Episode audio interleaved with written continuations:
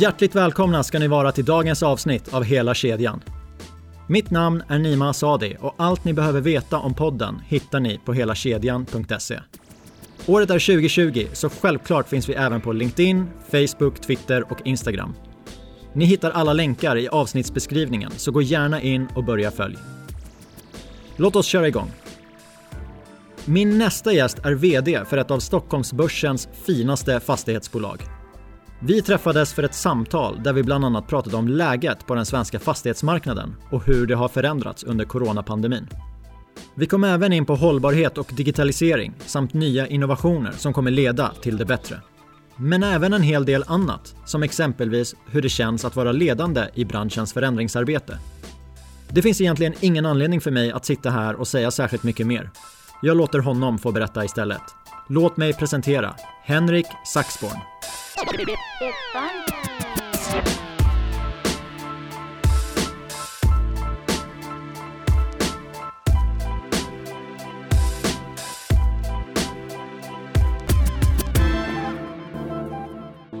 kör vi då. Varmt välkommen till podden Henrik. Tackar så mycket. En kort presentation. Uh, ja, jag är VD för Castellum. Uh, snart åtta år på den posten. Funnits i företaget i 15 år. Uh, är lite plus 50. Har fem barn. som snart alla är utflugna. så då är den stora paniken, vad gör vi med all denna tid? lever i Göteborg. och har inte lyckats flytta så långt från postnummer utan alltid bott kvar i Göteborg. Varit verksam i fastighetsbranschen hela livet. Var det en eh, barndomsdröm att det skulle bli fastighetsbranschen? Nej, men, men jag blev ganska tidigt instyrd på fastighetsbranschen. Ehm, jag har den stora förmånen av att ha en mycket äldre bror som är 19 år äldre. Som började köpa hus på 70-talet. Och ehm, då behövde jag ju fick man ju förmånen att all, göra allt möjligt. Ehm, så var fastighetsskötare, började snickra. Min pappa snickrade mycket i det där fastighetsbolaget också. Så det var fantastiskt roligt. Så det är väl egentligen min skola. Och på den vägen är det. Så sen blev det byggnation. Jag var på Siab efter gymnasiet och byggde lite hus åt dem. Sen började jag på KTH. Tyckte det verkade jättekul med samhällsbyggnad och lantmäteri. Det var en bra blandning. Eh, och kom tillbaka till Göteborg då eh, på 1990 mitt i krisen. Och då har jag hållit på med allt möjligt eh, inom fastigheter. Men fastigheter är väl det som har hållit ihop yrkeslivet om man säger så. Och de 15 senaste åren på Castellum, kan, mm. du, kan du berätta lite om bolaget? Ja, men det var ju, eh, jag fick ett samtal eh, någon gång och de undrade om jag var intresserad att bli vice vd på Castellum för 15 år sedan. Eh, och eh, jag tyckte ju då att det var otroligt spännande med den resa man redan hade gjort. Och utmanande eh, att fortsätta växa. Och fick möjlighet att komma in i bolaget och har sedan njutit stort sett varje dag när man går till jobbet. Fantastiskt roligt att få den utmaningen att växa. Fantastiska medarbetare och möter ju stora delar av svenskt näringsliv och numera också lite danskt och finskt. Eh, prata med kommuner eh, och få vara med och påverka lite samhällsutvecklingen. Så jag tycker det är otroligt roligt. Ja, det låter väldigt spännande. Mm. Nej, men eh, det är kul. Jag letade upp pressreleasen från när du blev VD. Så jag tänkte läsa upp delar ur den. Med Henrik Saxborn får Castellum en VD som är väl förtrogen med Castellums strategi och som under sin tid i bolaget visat prov på kommersiell beslutsamhet, ledarskap, analysförmåga och handlingskraft. Vad har du fokuserat på som VD och visat handlingskraft inom? Ja, men vi, eh, för jag ska säga vi, eh, jag tycker verkligen inte att det är en one man show utan vi, eh, för åtta år sedan så såg väl vi att vi behövde förflytta portföljen lite. Eh, och började öka omsättningen, köpa mer och sälja mer. Det har varit ett av signumen eh, i, i bolaget. Eh, vi stod också inför en, en frågeställning. Hur ska vi förhålla oss till hållbarhetsarbetet? Och kom ju på då att nej, men vi vill nog vara en av de bättre i Europa, sa vi från början. Ehm, och det har också blivit ett signum för, för de här åtta åren. Tycker jag. Ehm, och sen vara en av spelarna som faktiskt är med och utvecklar bransch och ny, ny, ny teknik inom vår bransch. Och då eh, startat också det enda, vad jag känner till, riktig research and development i fastighetsbranschen. Eh, så att om man ska ta några saker så är det väl det man är stolt över att vi har gjort så här långt nu. Den här satsningen på, på hållbarhet, finns det några exempel på, på det? Ja, vi har satt extremt tuffa mål. Eh, och, eh, och där inom alla, om, eh, alla delar då. Och det var väl något vi lärde oss i hållbarhetsarbetet. Vi satte just det här fokuset att ja, men låt oss vara en av de där 15 bolagen som får en guldmedalj utav EPRA. Ja, då trodde vi skulle ta två år. Det tog oss ett år och vi fick samtidigt då faktiskt en av de högsta poängen, eh, eller fick de högsta poängen inom logistik och eh, kontor enligt GRESP samma år. Eh, så det var lite så här chockartat. Att det gick så bra och gick så fort. Och då lärde vi oss metodiken. Nej, men vi fortsätter sätta tuffa mål. Ser vad vi har för gap för att nå målen och driver på hårt. Och det är någonting som jag använt sedermera också inom andra områden. Hur mycket är det titeln som lockar och hur mycket är det att herregud, vi sätter ju ribban. Det här gjorde vi på två år. Vad, Undrar vad vi kommer kunna göra på fem år? Ja, men det är så härlig eh, balans mellan, tror jag, eh, alltså tävlingsmomentet i det. Eh, såväl som att man faktiskt känner, att vi känner som, som medarbetare på ställen, vi kan påverka. Vi kan förändra. Eh, och eh, naturligtvis beroende på storleken på bolaget, men jag tror det viktigaste är faktiskt aktiviteten. Att vi syns och vågar tala om vad vi, vad vi eh, vill åstadkomma och vilka hinder det finns på vägen. Du nämnde research and development eller mm. forskning och mm. utveckling. Mm. Är hållbarhetsarbetet en del i forskning och utveckling eller är det, är det, något, är, eller är det någonting annat du tänker på? Nej, men främst så, så startade vi det därför att vi ville förstå vilken marknad vi stod inför. Och vi såg det som påverkade andra branscher. Taxi, eh, banksidan och så vidare. Och ville förstå vad vi då kallade digitalisering.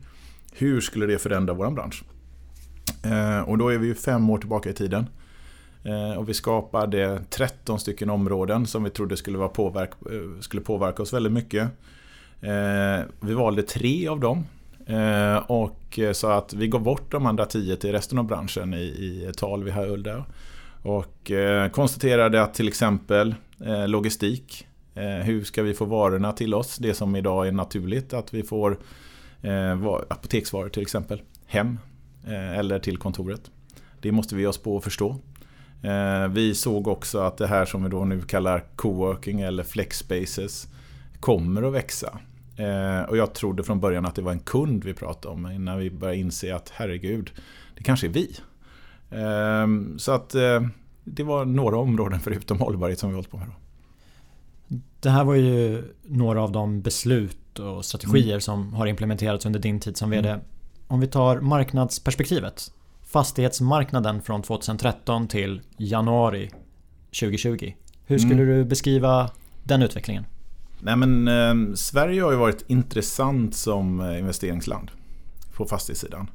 Det har varit en bra real eh, investering eh, och det har vi ju sett också. Så att jag tycker eh, det var en bra bas från början i Norden därför att vi har bra konsulter, bra transparens och bra omsättningshastighet i marknaden vilket gjorde att det var intressant. Plus det så har vi också skapat till, tillväxt i Sverige.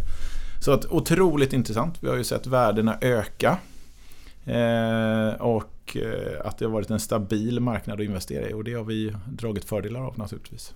Ja, det har ju varit en prisutveckling om jag tolkar branschpress mm. korrekt. Absolut. Hyresutveckling, lika där? Absolut.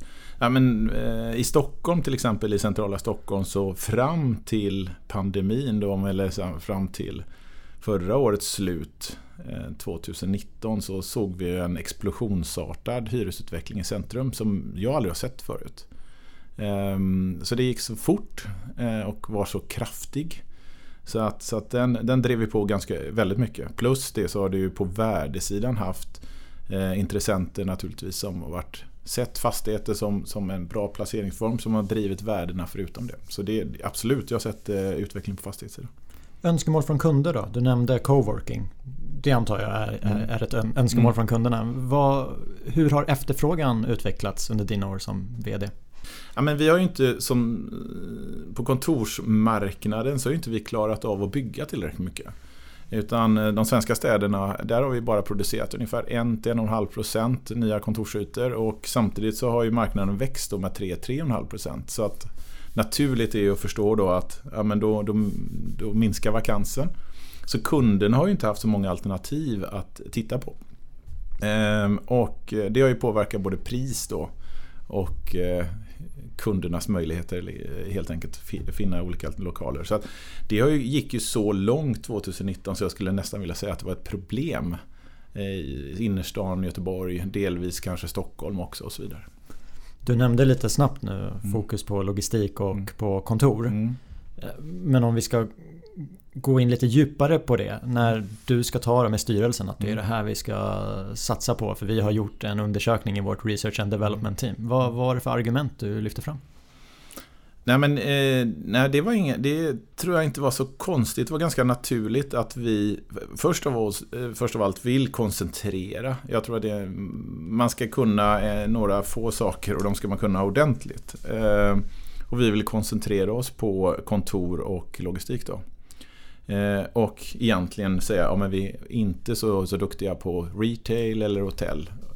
Ehm, och eh, det var det första valet. Och sen så när vi tittar på marknadsutvecklingen så var vi redan oroliga över retail-delen. Eh, och vid det här tillfället så hade vi ungefär 22-23% av värdet som låg i retail eller handel. Då. Eh, och idag så är vi nere på 7%. Så vi har medvetet flyttat oss från det. Det har varit väldigt positivt. Vi hade inte så mycket hotell. Så det har varit ett enklare beslut. Bostäderna var sålda sedan tidigare. Så att tydliggöra, koncentrera oss på de här marknaderna och bli bra mot de kunderna och lära känna dem helt enkelt. Högt eh, tryck pratade vi om under mm. 2019. Mm. Och jag hittade ett citat från 24 januari enormt tryck på fastighetsmarknaden. Vi har projekt i pipelinen för 14 miljarder de närmaste två åren. Vi spolar tillbaka till 24 januari. Hur, hur tänkte du då kring marknadsutsikterna och vad ni skulle lägga fokus på? Ja, men vi har ju, eh, du citerar bland annat projektvolymen och vi kan ju börja i den ändan då. Eh, vi har ju flyttat vår, eh, ökat vår projektvolym eh, och vi har främst gjort det genom att bygga eh, mer åt staten. Eh, och den, det såg vi ju då som en fantastisk möjlighet och ser fortfarande som en fantastisk möjlighet. Eh, och eh, de andra projekten som ligger i pipeline ligger längre fram. Och nu sitter vi här efter, eller mitt i covid-tider kan vi säga. Eh, och då får vi, kommer vi ju utvärdera den delen eh, allt eftersom det går helt enkelt. Men, eh, men vi har väldigt mycket som vi både bygger. Vi bygger ju för närmare 6 miljarder i dagsläget till, med bra uthyrningsgrad. Så det, det, det, det fortsätter vi göra. Ehm, och sen är det precis det som vi pratade om tidigare då. Att ja, men det fanns ju nästan inte några möjligheter för kunderna att hitta nya lokaler.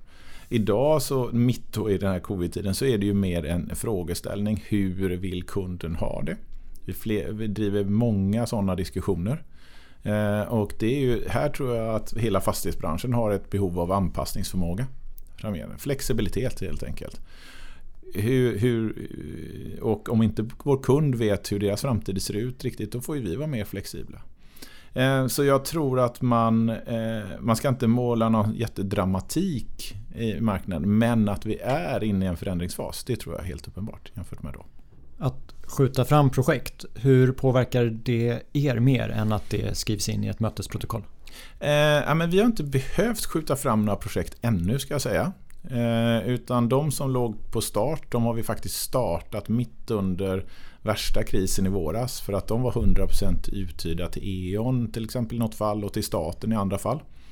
Eh, och se, sen får vi göra precis som vanligt. Vi får ju värdera då hur mycket har vi föruthyrt eh, innan vi startar och sätta upp krav på det. Och fyller vi inte de kraven, men då får vi flytta fram projekten.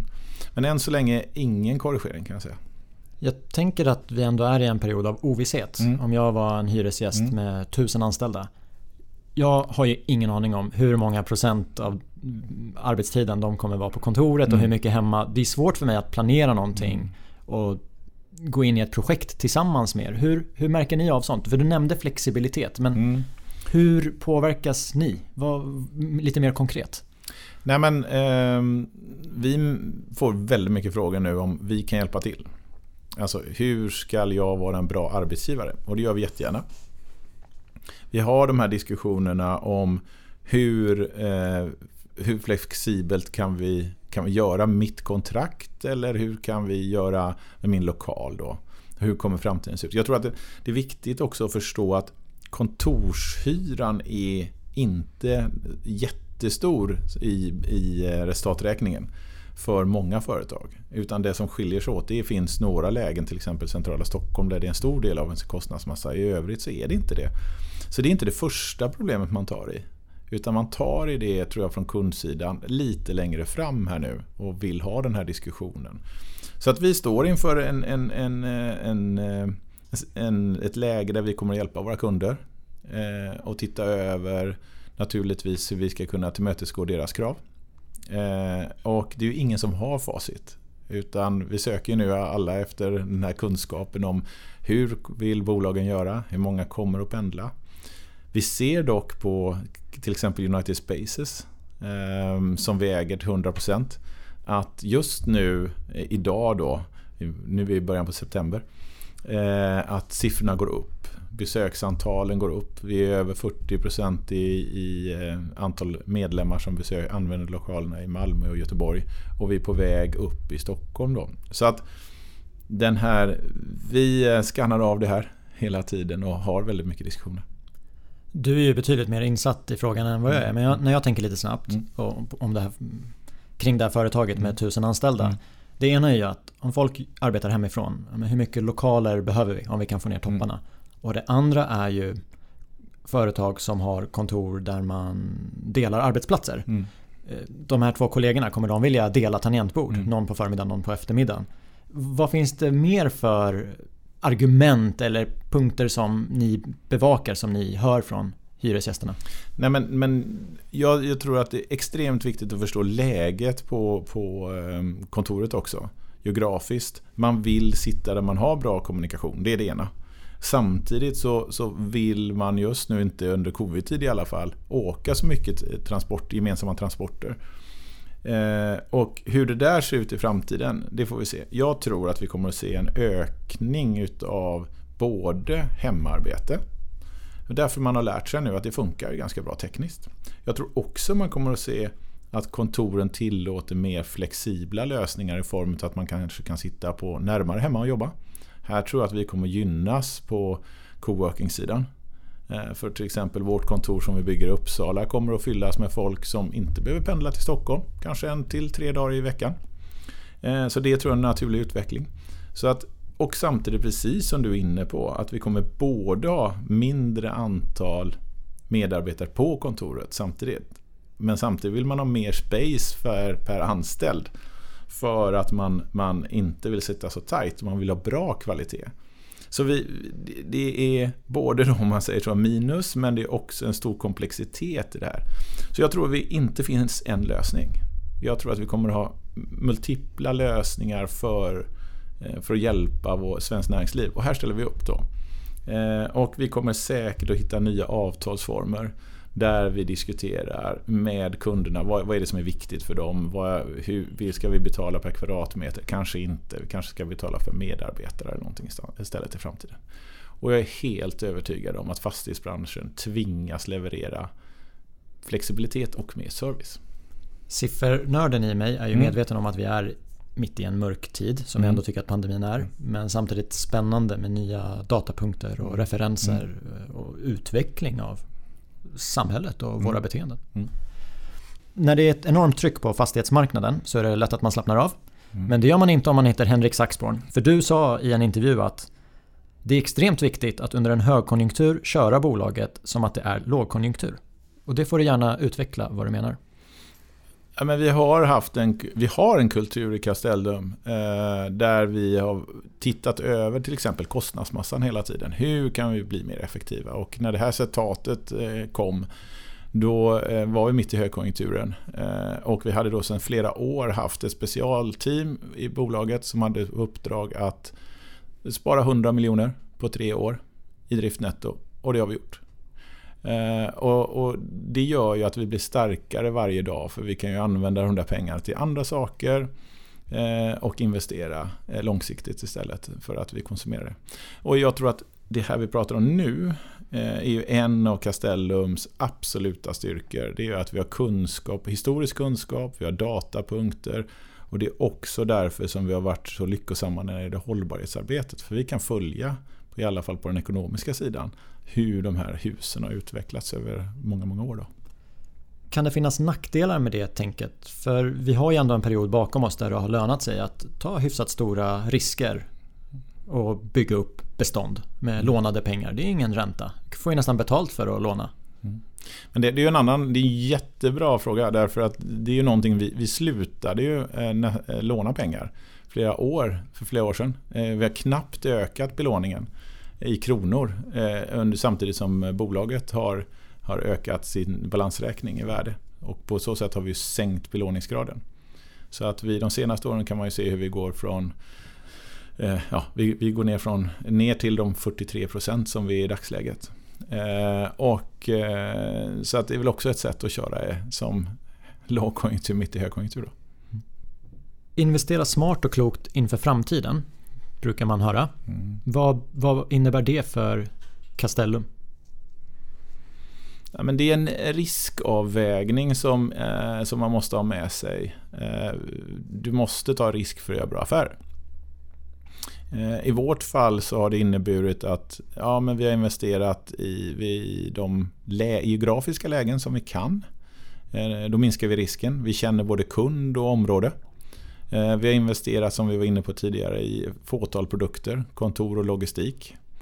Vi har eh, sett till att vi har blivit en av huvudleverantörerna till staten och har 23% av, av intäkterna i staten. Eh, så det är väl några exempel på vad vi har gjort för att att investera klokt för framtiden. Vi går över beståndet, tittar på, på hus som vi har mycket vakanser i eller som har svårare att leverera tillväxt. Och har hela tiden en, en eh, försöker förbättra kvaliteten och framtidssäkra beståndet helt enkelt. Så det är några av åtgärderna som vi har gjort. Och hur har Corona påverkat det? För jag tänker investera smart och klokt inför mm. framtiden. Mm. Då tänker man ju kring framtiden och mm. tänket kan ju ha förändrats av den här mm. pandemin. Jag menar, vi, snackade om work from home-trenden, eh, flexibilitet. Mm. Vad tänker ni att ni ska investera i framåt? Nej, men vi, vi kommer som alltid att anpassa oss efter det kunden vill ha. Vi kan inte styra eh, utan vi ska bara se till att vi är anpassningsbara mot kundens behov, framtida behov. Men Apple kan ju det. De styr ju vad kunden vill ha. Ja, men, men eh, den här mobiltelefonen som de... Jag tror inte vi riktigt kommer så långt. Men däremot kanske vi kan, om vi ska gå det spåret, så, så um, tror jag att vi kan säga så här att jag tror att de här orden om ökad flexibilitet det är jätteviktigt. På, på riktigt ökad flexibilitet. Ehm, och också inse att vi kanske har ett annat gränssnitt mot kund för att förenkla helt enkelt. Ehm, går du in idag ehm, i en av våra coworking-ytor så kan du hyra lokalen imorgon. Det kunde inte jag erbjuda för två år sedan. Utan då behövde vi bygga om och fixa dona. Och du kan också vara bara kund här ett par månader om du så önskar. Och starta din business. Så det är ett av exemplen. Nu sa ju du ja, det är mobiltelefoner. Mm. Jag tänker den här flexibiliteten. Mm. Kan det leda till att en kontorsplats blir mer lik konsumentprodukter generellt. Och då tänker jag på mobil, skor, ja du, mm. du fattar. Nej, men jag, jag, tror att nästa steg, om vi tittar runt i världen och vad som finns på plats redan, så är vi ju, älskar ju adapt everything som, som kom, allt som kommer från väst. Och spanar man mot väster så är det ganska vanligt redan med stor serviceinnehåll när du hyr och du väljer själv. Eh, så jag tror att det, det jag ser i alla fall på span, i min spaning det är ju att vi kommer att behöva erbjuda mer än det vanliga hyreskontraktet. Och det är på gång. Eh, och innehållet i det, det kanske är mer att, att serva dig som människa än serva bolaget med yta bara. Hur ska vi förenkla ditt vardagsliv?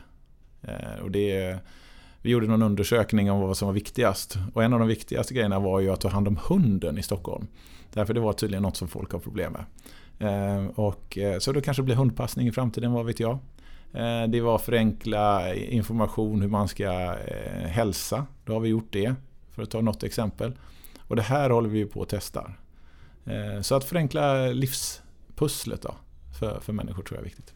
Om vi blickar mot väst så var det ju mm. några stora techjättar som tidigt gick ut med att ni, ni behöver inte jobba på mm. kontoret resten av året. Och någon mm. gick ut och sa resten av livet. Mm. Vad, vad kände du när du läste om det? Ja, men jag, eh, jag tror att det är människans eh, drivkraft att träffas som är någonting som kommer att driva ihop folk eh, till kontoren. Jag har själv för första gången idag flugit med, mun, med mask det var inte någon fantastisk upplevelse. Eh, däremot var det en underbar upplevelse att komma in i ett förvisso ett väldigt stort rum men att möta människor och diskutera om hur marknaden kommer att förändras med våra kunder. Och det har jag också gjort idag. Om man bara ser glädjen i ögonen hos de människorna som träffades idag så förstår man också att nej men det där kommer inte försvinna. Så jag tror eh, att till viss del kommer det förändras men något mindre än vad vi tror just nu. Om vi fortsätter på krisen och utvecklingsspåret så läste jag en intervju där du, du lyfter fram att ja, krisen det är, är också en möjlighet för oss att utveckla mm. bolaget. Mm. Eh, och där lyfter du fram digitala lås, mm. eh, appar för att få ihop livspusslet, eh, en testanläggning för självkörande bilar. Mm. Ska vi gå igenom de här? Vad, vad, det, vad det betyder? Digitala lås, vad, vad, vad innebär det? Ja, men det är ett eh, projekt som är helt eh, igång. Eh, och eh, att ha ett lås som sitter i telefonen det finns ju sedan länge. Eh, men det här pratar vi standard. Vilken standard ska vi vara? Hur ska det funka? Här driver vi det tillsammans med några av de absolut största fastighetsägarna i Sverige. Hur, vilken standard ska vi ha? Eh, och det ger oss naturligtvis möjligheter att accessa människan som går in i husen. Och det är ju tanken. Nej, men så att eh, digitala lås finns redan. Eh, förenklar ju allting med säkerhet, eh, access till hus, eh, delvis eller hela tiden. Eh, och jag tror många redan har det på sin, sin dörr hemma. Eh, nu är det bara att vi, vi ska på riktigt sätta standarden för ett eh, kommersiellt hus också. Jag sommarjobbade som fastighetsskötare 2008 och den eh, nyckelknippan den, den var stor. Är det en utmaning ni har i er förvaltning? Absolut och eh, vi har ju gått mellanvägen nu att den som vill fick ju chippa sig där nu eh, till magnetlåsen. Så att jag har ju också testat. Så jag har ett chip i ena handen eh, som, som hjälper mig lite grann då till de här nya låsen. Men jag tror faktiskt att jag sätter det i telefonen är mycket smidigare för framtiden. Var det en självklarhet att operera in det? Ja, det var inga problem. Men jag vet någon fastighetsskötare som behövde två för det var olika system. Ja, det vill man ju ogärna. Den här testanläggningen för mm. självkörande bilar, vad, vad är det för någonting? Ja, men vi köpte ju Säve eh, flygplats eh, med kunskap om att vi är en fantastisk utvecklingsområde för logistik. Eh, och också en testanläggning som då var eh, ganska marginell eh, för några självkörande bilar som man lånar i gamla flygfältet. Eh, det här är någonting som jag tror stenhårt på. Eh, alltså hållbara transporter både i luft och mark. Och då kan Säve som är unikt i det här fallet eh, spela en stor roll. Vi har 1,6 miljoner kvadratmeter. Det är stort. Om vi bygger logistik på hälften så har vi en flygplats kvar. Och vi har också fortfarande möjlighet att ha självkörande bilar till exempel och batteriutveckling. Kunderna finns redan på plats. Eh, här jättespännande att besöka Säve. Det kör bilarna själva runt och till och med lastbilar kör runt. Vi har 5G-nät där inne nu som styr de här. Eh, och vi har eh, operatörer som bygger elflygplan för framtiden och vi har styr, bolag som eh, Everdrone som gör eh, styrsystem till drönare. Så att det här är, eh, här, härifrån diskuterar vi gärna hur ska vi utveckla hållbara transporter och hur kan Castellum bidra i framtiden. Eh, så att det blir verkligen på rätt sätt som paketen kommer hem helt enkelt. Det är inte riktigt det där jag tänker på när jag hör fastighetsbolag. Är Castellum ett fastighetsbolag? Absolut. Eh, nej men jag tror att det, det viktigt är ju att, att omfamna utvecklingen. Eh, och det är det här vi gör nu. Alltså, och det är det vi lärde oss för några år sedan. Att, att genom att se vad är vår roll i, i det här, eh, i utvecklingen, så kan vi bidra. Nu fick vi möjlighet att koppla ihop biltillverkare, eh, ett, ett eh, avdankat flygfält om jag får så, lov att säga så. Eh, och skapa någonting nytt här, som en ny stadsbild. Eh, och det, tycker, det tror jag är det som är fantastiskt med fastighetsbolaget, att man kan göra det. Vi har varit inne på digitalisering och då är det ju dels att du har sagt att digitalisering kommer att förändra fastighetsbranschen. Mm. Och sen har ju även Castellum en, en uttalad ambition att stå längst fram. Så om vi, om vi börjar med digitalisering kommer förändra fastighetsbranschen. Utveckla det. Ja, men det här är ju, eh, du berörde låsen. Det är ju en väldigt liten, liten del. Eh, jag tror ju att eh, våran förmåga att anpassa oss efter inte bara företagens behov utan människornas behov som använder våra hus. Det skapas genom att vi har kontakt. Och det har, vi har en digital kontakt i framtiden. Vad vi nu ser kallar vi det app. Vi kommer säkert kalla det någonting annat i framtiden. Ehm, och den där kommer göra att vi får all vår kunskap genom det beteende som, som människor har så vi kan anpassa, Eh, anpassa oss. Vi kan spara pengar. Husen behöver inte vara igång om det inte är några människor där till exempel som under covid. Vi kan styra husen genom att ha nya uppkopplingar som vi inte har. Och vi kan koppla ihop bilen, huset, kommunikationerna. Och det enklaste exemplet tycker jag, som redan finns då, det är ju det här att ja, men varför behöver du en, en p-plats som du hyr året runt när du inte använder det hela tiden? Utan du hyr det när du behöver det. Och du bokar kanske din, din p-plats på vägen in till jobbet. Eller till och med när du väcks på morgonen så frågar eh, telefonen dig om det är tisdag morgonen, vill du, du, som vanligt brukar du köra bil nu. Vill du boka p-plats? Och det kanske det här mötet du har, ska vi boka det? Ska du ha mat? Alltså det finns mängder av saker att göra bara för att underlätta eh, folks liv.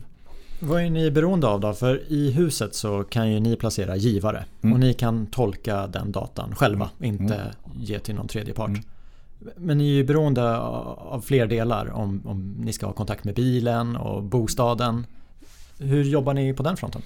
Nej men vår, vår, från vår sida så är ju datan som... Nu kan vi få in data från i stort sett alla givare när vi bygger ett nytt hus. Eh, och bara göra det gör ju oss också att för första gången i i alla fall som jag känner till så kan vi helt plötsligt eh, hantera och tolka datan.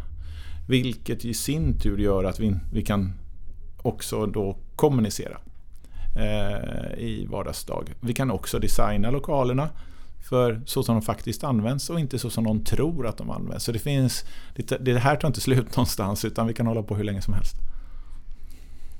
Och den här uttalade ambitionen att stå längst fram, mm. vart står ni idag? Ja, men vi är ett av de bolag som är längst fram i, i Norden.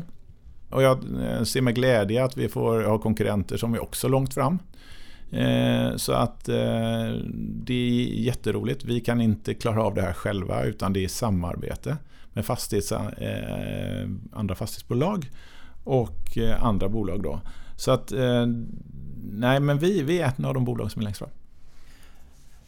Med hjälp av de här givarna och datan ni mm. får så det ger ju er kunskap kring hur ni ska utforma kontor.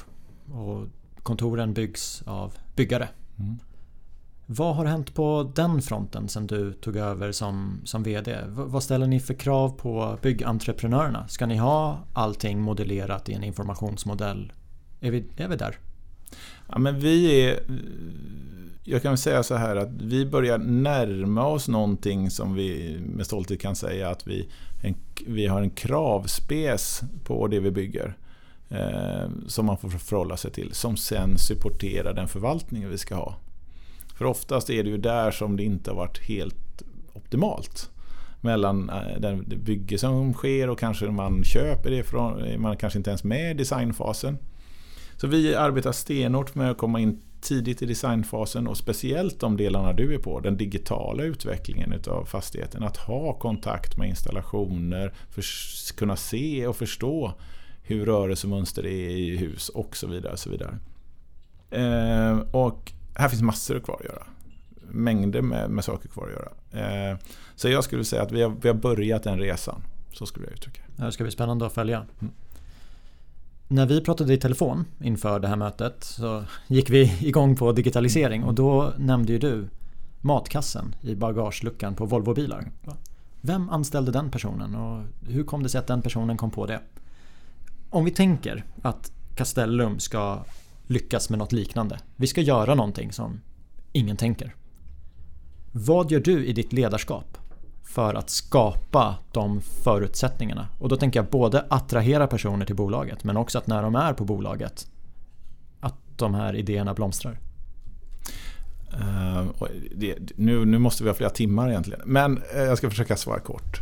Uh, nej men, först och främst basen. Eh, att, att, skapa, det, det här, i hållbarhetsarbetet så har vi också sagt att vi vill att Castellum ska återspegla den kundbas och det samhälle vi verkar i. Det är jätteviktigt. Här jobbar vi stenhårt med att bli ännu bättre på att attrahera, eh, ja, motsvara Sverige helt enkelt ur alla dess mångfaldsperspektiv. För att få de bästa hjärnorna. Eh, och det, ofta så pratar man ju om, om jämställdhet och det, det är alldeles för smalt i, i det här perspektivet. Men vi har förändrat ledningsgruppen, vi har förändrat eh, eh också bemanningen på bolaget för just börja klara av de här kraven. Eh, och då, eh, jag har en coach som, som, som ska hjälpa mig med detta. En kvinna på 35 år som, som inte alls har samma bakgrund som mig. För eh, hon har säkert ett jättejobb att göra med en 56-årig man från, från Koltorp i Göteborg. Men vi skojar mycket om det. Eh, men det här är ju att, att älska det eh, och, och se utmaningarna. Det är jättekul. Och den andra, som ett exempel på det ska jag säga, så söker vi någon service designer nu, kallar vi det en tjänst som just ska hjälpa oss att förstå vad vi måste göra, vad vi måste fylla de digitala verktygen med för tjänster. Så den annonsen är ute nu. Eh, och, eh, och det ska bli jättespännande. Här ser vi framför oss någon som har gjort någon liknande resa i någon annan industri än fastighetssektorn. Ehm, och eh, det, ska bli jätteroligt att, att få in den personen in och hjälpa oss på den resan. Så det är bara några exempel på vad vi gör. I någon ledarskapsbok som jag läste så stod det om kreativa fredagar. Att på fredagar ska de medarbetarna få jobba med sina passionsprojekt. Mm. Eller under den här timmen, mellan två och tre, då, då får man inte säga nej. Om någon kommer med något förslag, ja, kör. Har, har, har vi några sådana konkreta saker som ni har gjort på Castellum? Nej, vi, vi, vi ökade flexibiliteten just nu. Eh, för att tydliggöra det att, som jag tycker det har varit hela tiden. Men vi vill vara extra tydliga.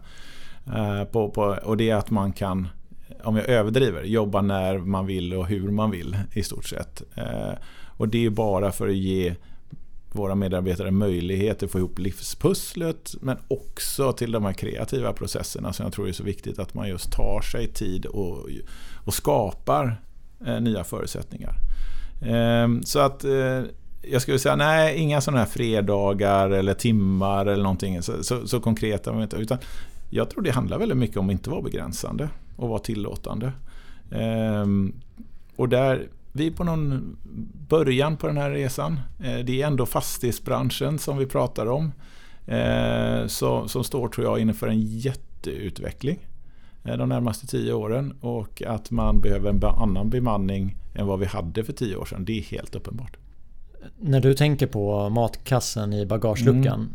så antar jag att du ibland reflekterar vad det skulle kunna innebära mm. för fastighetsbranschen. Och du nämnde att ja, men, bilen pratar med parkeringsplatsen. Mm. Eh, har du några fler exempel på tankar som du haft? Nej men jag, jag, ehm, jag är helt... Först det här matkassen i bakluckan. Jag tycker det är ett bra exempel därför att någon på Volvo vågade ju säga ja till, till, till någon som kom med den galna idén att ja, men jag tror det är smart att stoppa in matkassen i bagageluckan. Eh, och I vårt fall så, så har vi passerat det första steget att förstå att det är viktigt med, med tjänsteinnehåll. Nästa del handlar ju om att förstå att vi kanske inte kommer tjäna så mycket pengar på det. Men vi kommer att bli attraktiva. Eh, så att Nej, jag har väl inget bra, jag har massa, jag, jag, ser framför mig, eller kanske jag har, men, men jag ser framför mig att nej, men det blir väl då lite, man kan köpa hundvakttjänster om man skojar om det lite grann. Eh, jag tror också att vi kommer att just få de här olika typer av leveranser där man kopplar ihop yrkeslivet med privatlivet för att underlätta. Eh, jag kan se framför mig att man kanske genom oss eh, köper det digitala tidningsutbud man vill ha. Eller kanske till och med köper lite billigare biobiljetter. Och en, kan man göra genom oss om vi går ihop eh, med alla kunder. Om vi får ihop 250 000 människor i en community så kanske vi också kan köpa lite billigare biobiljetter för folk. Och så vidare. Jag tror det finns mängder, mängder med saker att göra faktiskt. Det ska bli spännande att följa. Jag läste om Castellum i tidningen i veckan. Castellum jublar. Och det var på temat solceller. Kan vi bara komma in på det. Varför jublar ni? Nej men eh, Sverige har tyvärr ska jag säga då, haft en, en begränsning i den, eh, och har, för det är inte ändrat än, eh, begränsning när det gäller hur stora anläggningar man kan bygga utan att beskattas eh, av solceller. Och då har det funnits en, en, en, en helt oförklarlig gräns på 255 kilowattimmar. Eh, och den finns kvar. Eh, men eh, nu har jag förstått att att det kanske, den är kanske på väg att försvinna. Det innebär att eh, Sverige inte längre kommer vara det enda land där vi bara bygger 255 kW anläggningar på taken. Eh, utan att vi kan utnyttja kapaciteten på taken och göra så att husen blir självförsörjande. Eh, kanske, eh, som jag också tror, eh, levererar in till nätet eh, när det blir överkapacitet på taken. Eh, så att det här är jätteviktigt att det blir lokala grids eh, för framtiden. Och att vi inte begränsas av den infrastruktur och nät som finns. Eh, så att eh, jag hoppas verkligen att det blir ett beslut som, som går i den riktningen som, som nu indikeras. Ehm, och det kommer att innebära att det byggs stora, stora anläggningar av solceller runt om på svenska tak. Och vi håller på att testa en sån redan. Vi bygger en som är 3,3 giga Eh, för att just lära oss. Eh, vi måste lära oss hur, hur, eh, vad, blir, vad blir effekten av att bygga så stort. Eh, vilken, eh, vilken kapacitet har den? Vad får vi in för el? Hur ska vi hänga på för batteri där i framtiden? hur ser ekonomin runt det? och så vidare, och så vidare. Så att vi sen när vi ska bygga ut på Säve till exempel eller norra Stockholm där vi håller på kan med naturlighet bygga stora delar eller nästan hela taket med solceller. Skatt på det som exporteras, är det okej? Okay? Nej, eh, jag tycker så här att det finns ju en begränsning till eh, som jag tycker är lite abnorm. Och det är ju att om vi har två fastigheter som vi båda äger bredvid varandra så kan jag inte föra den elen eh, idag utan att eh, bli eh, elproducent om jag är rätt informerad. Och det är också abnormt att vi inte kan dra en kabel mellan två fastigheter. Så det hoppas jag också kommer att, att justeras i framtiden. Men i ditt exempel så äger ni båda fastigheterna. Jag tänker om ja. ni exporterar till ett, ett bostadshus. Mm. Vi kan ju idag sälja det in i nätet. Eh, och det är fine att göra det.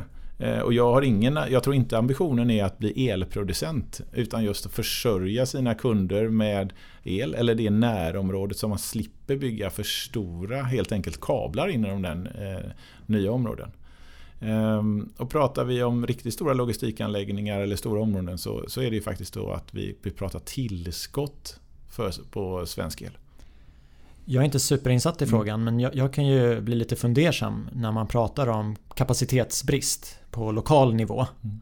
Men att man ändå sätter käppar i hjulen för fastighetsägare som har många kvadratmeter mm. tak. Det, det, förstår jag inte riktigt. Sen för eget bruk tänker jag nu. Mm. Det, det, det, är väl klart att det ska väl inte beskattas. Det är för eget bruk. Nej men det, här, det är jag så tacksam att man har lyf, lyssnat nu. Eh, och att vi har gemensamt hittat att det där är ju lite tokigt. Eh, och att man tar tag i det på regeringsnivå. Det är Finansdepartementet. Jag är jättetacksam för det. Eh, för att det där, nej, men det är ju tokigt. Så att det, det förstår ju alla. Så att jag hoppas verkligen det försvinner. Men det har varit en frustrerande tid antar jag? Ja, eh, vi, jag tror inte man får in så många kronor om man får in någon skattekrona. Så att den har ingen funktion. Utan jag, nej, men jag är bara tacksam att förhoppningsvis så försvinner den. Vi sitter ju här i september 2020 och för ett halvår sedan så var det ett enormt tryck på fastighetsmarknaden. Nu börjar vi ju se lite resultatet av, pandemin och vissa bolag och mm. branscher går ju bra. Bland annat bostadspriser. De, de går ju upp. Om ett halvår, vad, vad tror du om läget då? Nej men jag eh, tror att vi har fortsatt en väldigt stabil fastighetsmarknad. Eh, vi kan ju se att vi har eh, värden som är stabila eller till och med går upp i vissa sammanhang. Så motståndskraften i marknaden trots pandemin, pandemin har varit enormt stark. Jag tror att förutsättningar finns för att det ska fortsätta. Eh, och det är därför att Sverige som sådant är intressant och det finns mycket kapital ute som har svårt att finna lika goda investeringar som i fastigheter. Och, och ehm, ska man titta på någonting då, vad pandemins påverkan? Ja, men det är alltid sådär, osäkerhet skapar ju då justeringar i en marknad. Och den osäkerhet vi just nu pratar om, det är ju hur kommer våra kontorskunder att vilja ha det? Eh, och här är det ju eh, viktigt att förstå att korrigeringen kommer ju inte ske på 100% av kontorsmarknaden utan någon viss del. Så det är den enda oro jag ser i det här sammanhanget just nu. Eh, utan jag tycker statens finanser är bra. Bankerna mår bra. Eh, och eh, våra kunder mår i grund och botten bra, de absolut flesta. Varenda en, alltså vi fick ju i stort sett in varenda hyreskrona hittills. Ehm, så att det är, det är inga stora eh, svarta moln utan jag skulle säga ja, det är en stabil marknad vi har framför oss. Så förhoppningsvis inte lika många konkurser som under 90-talskrisen? Nej, eh, jag tror att den är... Eh, konkurs och stora hotet ligger just i det fåtal branscher. Eh, och här är besöksnäringen och viss butik eh, utsatta. Eh, det är jättejobbigt. Några har det jättejobbigt. Eh, för Castellums del så har vi eh, i stort sett ingen inkomstmassa därifrån, så vi kommer inte beröras. Vissa fastighetsbolag har det. Så det finns inte en homogen bild. Eh, men för, för kontor generellt så ser jag inga stora hot mer än att det kommer, vi måste vara flexibla. Eh, vi måste ha ett erbjudande där vi möter kunden i deras nya vardag helt enkelt. Så det kommer vi göra. Men det, jag tänker att det kan ju komma från andra bolag också. Ett hotell ställer om och blir coworking. Det, det skulle ju kunna hända. Absolut, och det händer ju. Och det är det som är så roligt. Det är ju det, är det här jag menar att när, när marknaderna förändras och varför vi måste vara beredda och flexibla, det är därför att just sådana saker som du nämner nu kommer att hända. Ehm, att vi får coworking i något hotell och så vidare. Ehm, men det är ju bara att älska det och eh, fortsätta utvecklas helt enkelt. Anledningen till att jag frågade dig vad som händer om ett halvår, det var ju för att markera årsdagen av ditt eh, citat från 24 januari i år. En annan fråga som jag alltid brukar mm. avsluta med det är att om, om du och jag träffas om tio år mm. Vad kommer vi då att prata om? Jag tror att eh, man som alltid kommer prata om det där vi inte såg för tio år sedan. Att vi inte såg det som skulle kunna hända. Eh, jag tror att mycket av det vi är inne och inte har ord på kommer vi ha ord på i form av vad heter appar då. Eh, och att det finns en normalitet i att du faktiskt använder din telefon eller vad det då är för hjälpmedel på ett mycket eh, mer aktivt sätt även om du är kontorshyresgäst. Eh, och att förhoppningsvis så vet du vem som är fastighetsägare när du går in i huset och du kanske till och med har en relation till fastighetsbolaget mm. som person. Du nämner en telefon och inte ett mikrochip i huvudet. Nej, jag, jag, nu har jag chip i handen men jag har lite svårt att se att jag kommer att operera, personligen i alla fall, ett chip i huvudet sälja ut dina järnvågor till en tredjepartsleverantör. Ja, precis.